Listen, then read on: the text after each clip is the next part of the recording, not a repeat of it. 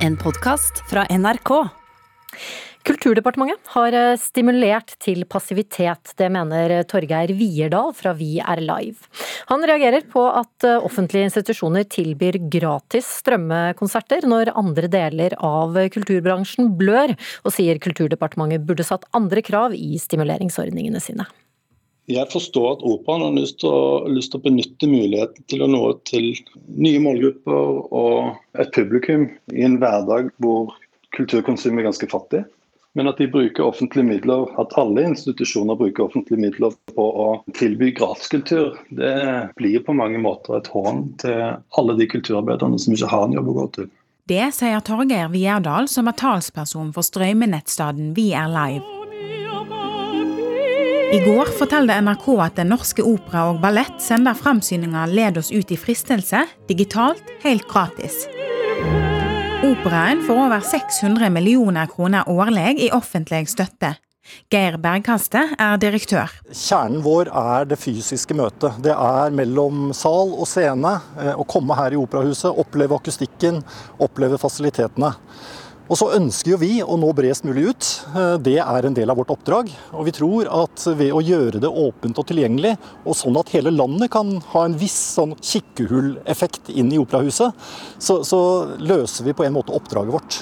Vierdal fra Vi er live retter først og fremst kritikken mot regjeringa og Kulturdepartementet. Det er mye viktigere å rette den eh, pekefingeren mot myndighetene, for ansvaret ligger der. Det er de som eh, bevilger pengene, og det er de som setter opp statuttene til kulturinstitusjonene. Og det er de som skal være ansvarbevisst. Kulturminister Abid Raja skriver i en e-post til NRK at han ikke kan skjønne at det at operaen tilbyr noen prosjekt gratis, truer den kommersielle musikkformidlinga, og legger til at da må en jo nesten også stenge ned tilbudet som NRK-formidler. Her kan en også se produksjoner fra operaen gratis, blant andre Nøtteknekkeren. Jeg vil fremdeles gjøre mitt beste for å hjelpe kultursektoren gjennom krisa. Vi har stimulert oss til passivitet fremfor å omstille og aktivt skape ny verdi i næringen, som også hadde skapt og beholdt arbeidsplasser hos norske kulturarbeidere. Vierdal har lenge engasjert seg i dette, og var bl.a. med på et innspillsmøte med Kulturdepartementet i fjor, da de skulle vurdere støtteordningene. Her ønsket han og flere aktører at støtteordningene skulle kreve at initiativet som en søkte støtte for, må tilbake en betalingsmur. Nå når han ser tilbake, føler han seg ikke hørt. De første tre månedene var det på banen med raske tiltak. Det som er overraskende, det er at tolv måneder inn i pandemien så sitter vi med de samme stimulerings- og støtteordningene som vi hadde etter tre måneder. De har ikke tatt til seg noe læring, ingen kunnskap og ingen videreutvikling. Reportere her var Ida Yasin Andersen og Marianne Rustad Karlsen. Kulturkommentator Agnes Moxnes, god morgen. God morgen. Hvor smart er det å legge ut konserter og opera gratis? Ja, Det er jo smart hvis man vil ha med seg en masse gratis eh, passasjerer. Men hvis man har lyst til å, eller en ambisjon om å bygge opp en ny næring eller et nytt eh, marked, så er det vel ikke så smart, nei. Men eh, Geir Bergkaste han konstaterer altså at 15-20 ganger flere ser forestillingene når de tilbys gratis, da altså digitalt. Det må jo være en drøm for en operasjef? Ja, ja, det er klart det er det. det er jo, altså, de har jo antageligvis aldri hatt et eh, bedre og rent publikumsmessig, mens operaen i all hovedsak har vært eh, stengt. Eh, så erfaringen deres det er at gratis er, er best. Men eh, de jo, kan jo kikke litt tilbake igjen f.eks. på mediehistorien. Da avisene la ut en haug med gratisnyheter for å, å, få folk over på nyvinningen nettaviser. Og, og, fortsatt så sliter jo mediehusene med å få folk til å betale for nyheter. Mm, men dette var jo operaen vi snakket om nå. Er det andre forestillinger som også er lagt ut gratis? Gratis? Ja, det legges ut veldig mye gratis. Altså, litteraturhusene legger ut gratis ting. Enkeltmusikere, flere symfoniorkestre gjør det. Oslo-filharmonien bl.a. Deres innspilling av den verdensberømte Beethovens niende er eh, da blitt eh, sett eller hørt av 3,5 million mennesker. og Da sier det seg selv at da er du verden Da når du verden rundt. Også toneangivende kritikere i utlandet. Eh, sånn at det sier seg selv at dette er en, liksom en, det er jo en PR-tanke som ligger bak fra Oslo-filharmoniens side. Men det er klart de kan gjøre det, fordi at de, har offentlig, de er offentlig finansiert. Mens det da er, som Torgeir Vierdal poengterte her, for veldig mange som skal drive selv, så er det en vanskelig vei å gå. da. Stimulerer til passivitet, sier han. Eh, har eh, myndighetene gjort det? Eh, ja, på sett og vis så tror jeg du kan, kan, si det. Vi har gode kompensasjonsordninger i Norge, men som i næringslivet ellers også, så har slike eh, støtteordninger en, en skyggeside. Og, og, det er at de støtter i stor grad det som har vært, og ikke oppmuntrer så mye til nytenkning og gründervirksomhet.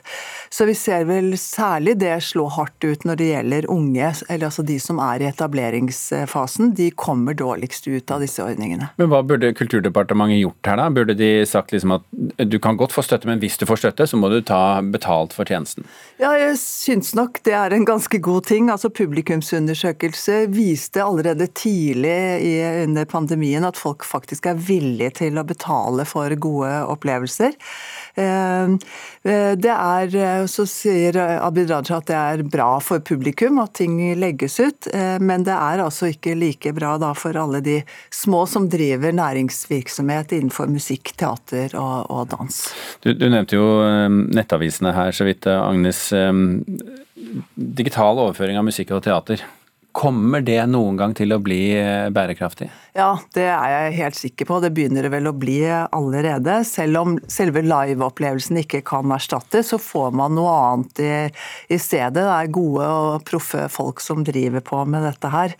Eh, snakket med plattformen Munin eh, Live i, i, går. De kom skikkelig på banen nå i høst, og de melder at de siste tre månedene så har salget av digitale eh, billetter eh, økt. Og både de og Via Live er norske norske plattformer som har gitt musikere en betalt arbeidsplass gjennom hele pandemien. Ok, Agnes Moxnes, takk skal du ha. Ti mennesker døde i gårsdagens masseskyting i Colorado i USA. En direktestrømmet video av det som skjedde ble lagt ut på videoplattformen YouTube, som nå nekter å fjerne den fra siden sin. Og hvorfor gjør de det, kulturreporter Aida Korami? Ja, YouTube sier at de ikke vil fjerne den veldig kontroversielle videoen, til tross for utrolig mye kritikk. Eh, ifølge talsperson for YouTube, Elena Hernandez, eh, sier hun at eh, voldelig innhold ikke er lov på YouTube, men mener at denne videoen faller under nyhet- og dokumentarreglene deres. Hernandez sa også at de har lagt aldersregulering på videoen. Og hvem var det som filmet denne videoen? Det var Dean Schiller som filmet fra supermarkedet hvor skytingen foregikk. Han kaller seg selv borgerjournalist, altså når publikum selv rapporterer om ting de ser. Og Ifølge Vice ble det sett direkte av 30 000 mennesker, og har senere blitt sett over 585 eh, 000 ganger. Og han fortsatte filmingen utenfra i mer enn tre timer, til tross for at eh, politiet eh, ba han om å dra. Flere har nå kritisert ham for å ikke ringe etter med politi, eller hjelpe andre som f.eks. For forsøkte å flykte fra bygningen. Men er det uvanlig at sosiale medier nekter å fjerne denne typen innhold? Ja, det har skapt et eh, problem for moderatorer på sosiale plattformer, eh, som prøver å skille mellom nødvendig journalistikk og innhold som kun er voldelig eller kun skal sjokkere.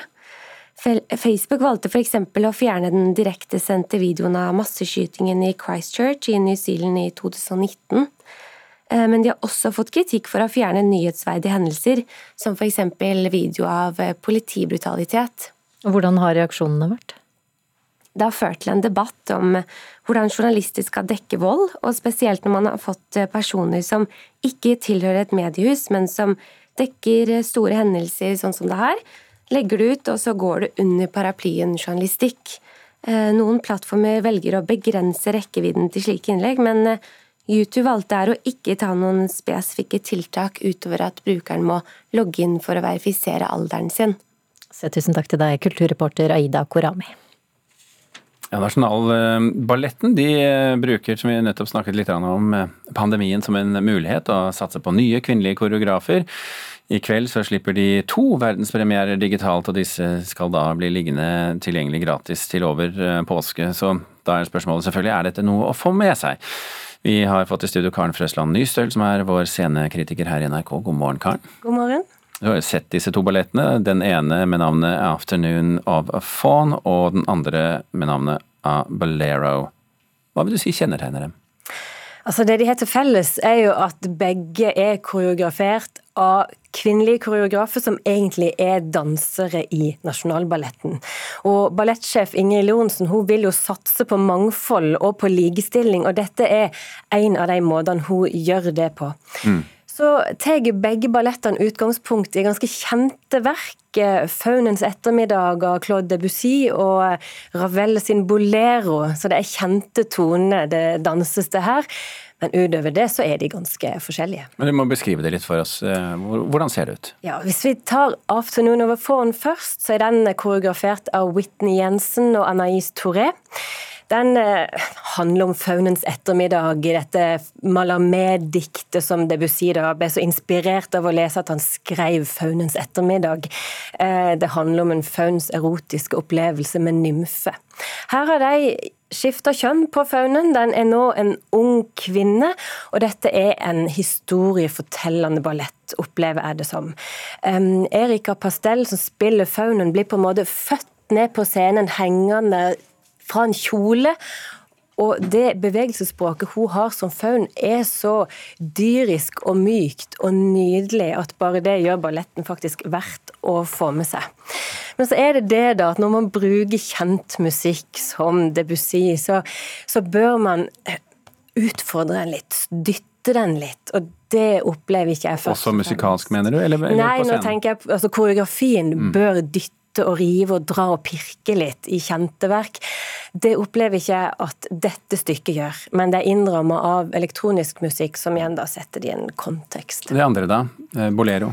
At den er bygd opp rundt Maurice Ravel sin bolero, som jo er et stort crescendo. altså Rytme og tematikk som gjentas med stadig større intensitet. Og det som er gøy her, det er at på scenen så står det en boks Inni den boksen, sånn firkanta treboks, så bor det to dansere. Og det er så lett å bare lese koronatilværelsen vår rett inn i dette stykket. Man må forholde seg i en tosomhet, rive og dra, finne en balanse, mens intensiteten i denne tilværelsen stadig øker og eskalerer. Skal vi gå løs på en anbefaling her, eller eh, bør ja. folk holde seg unna? Jeg syns absolutt at dette er noe få med seg, men dette må jeg jo si er koreografer som er på vei et sted, og de er heldige som får hovedscenen som sin boltreplass. De har gitt en, en sjelden mulighet.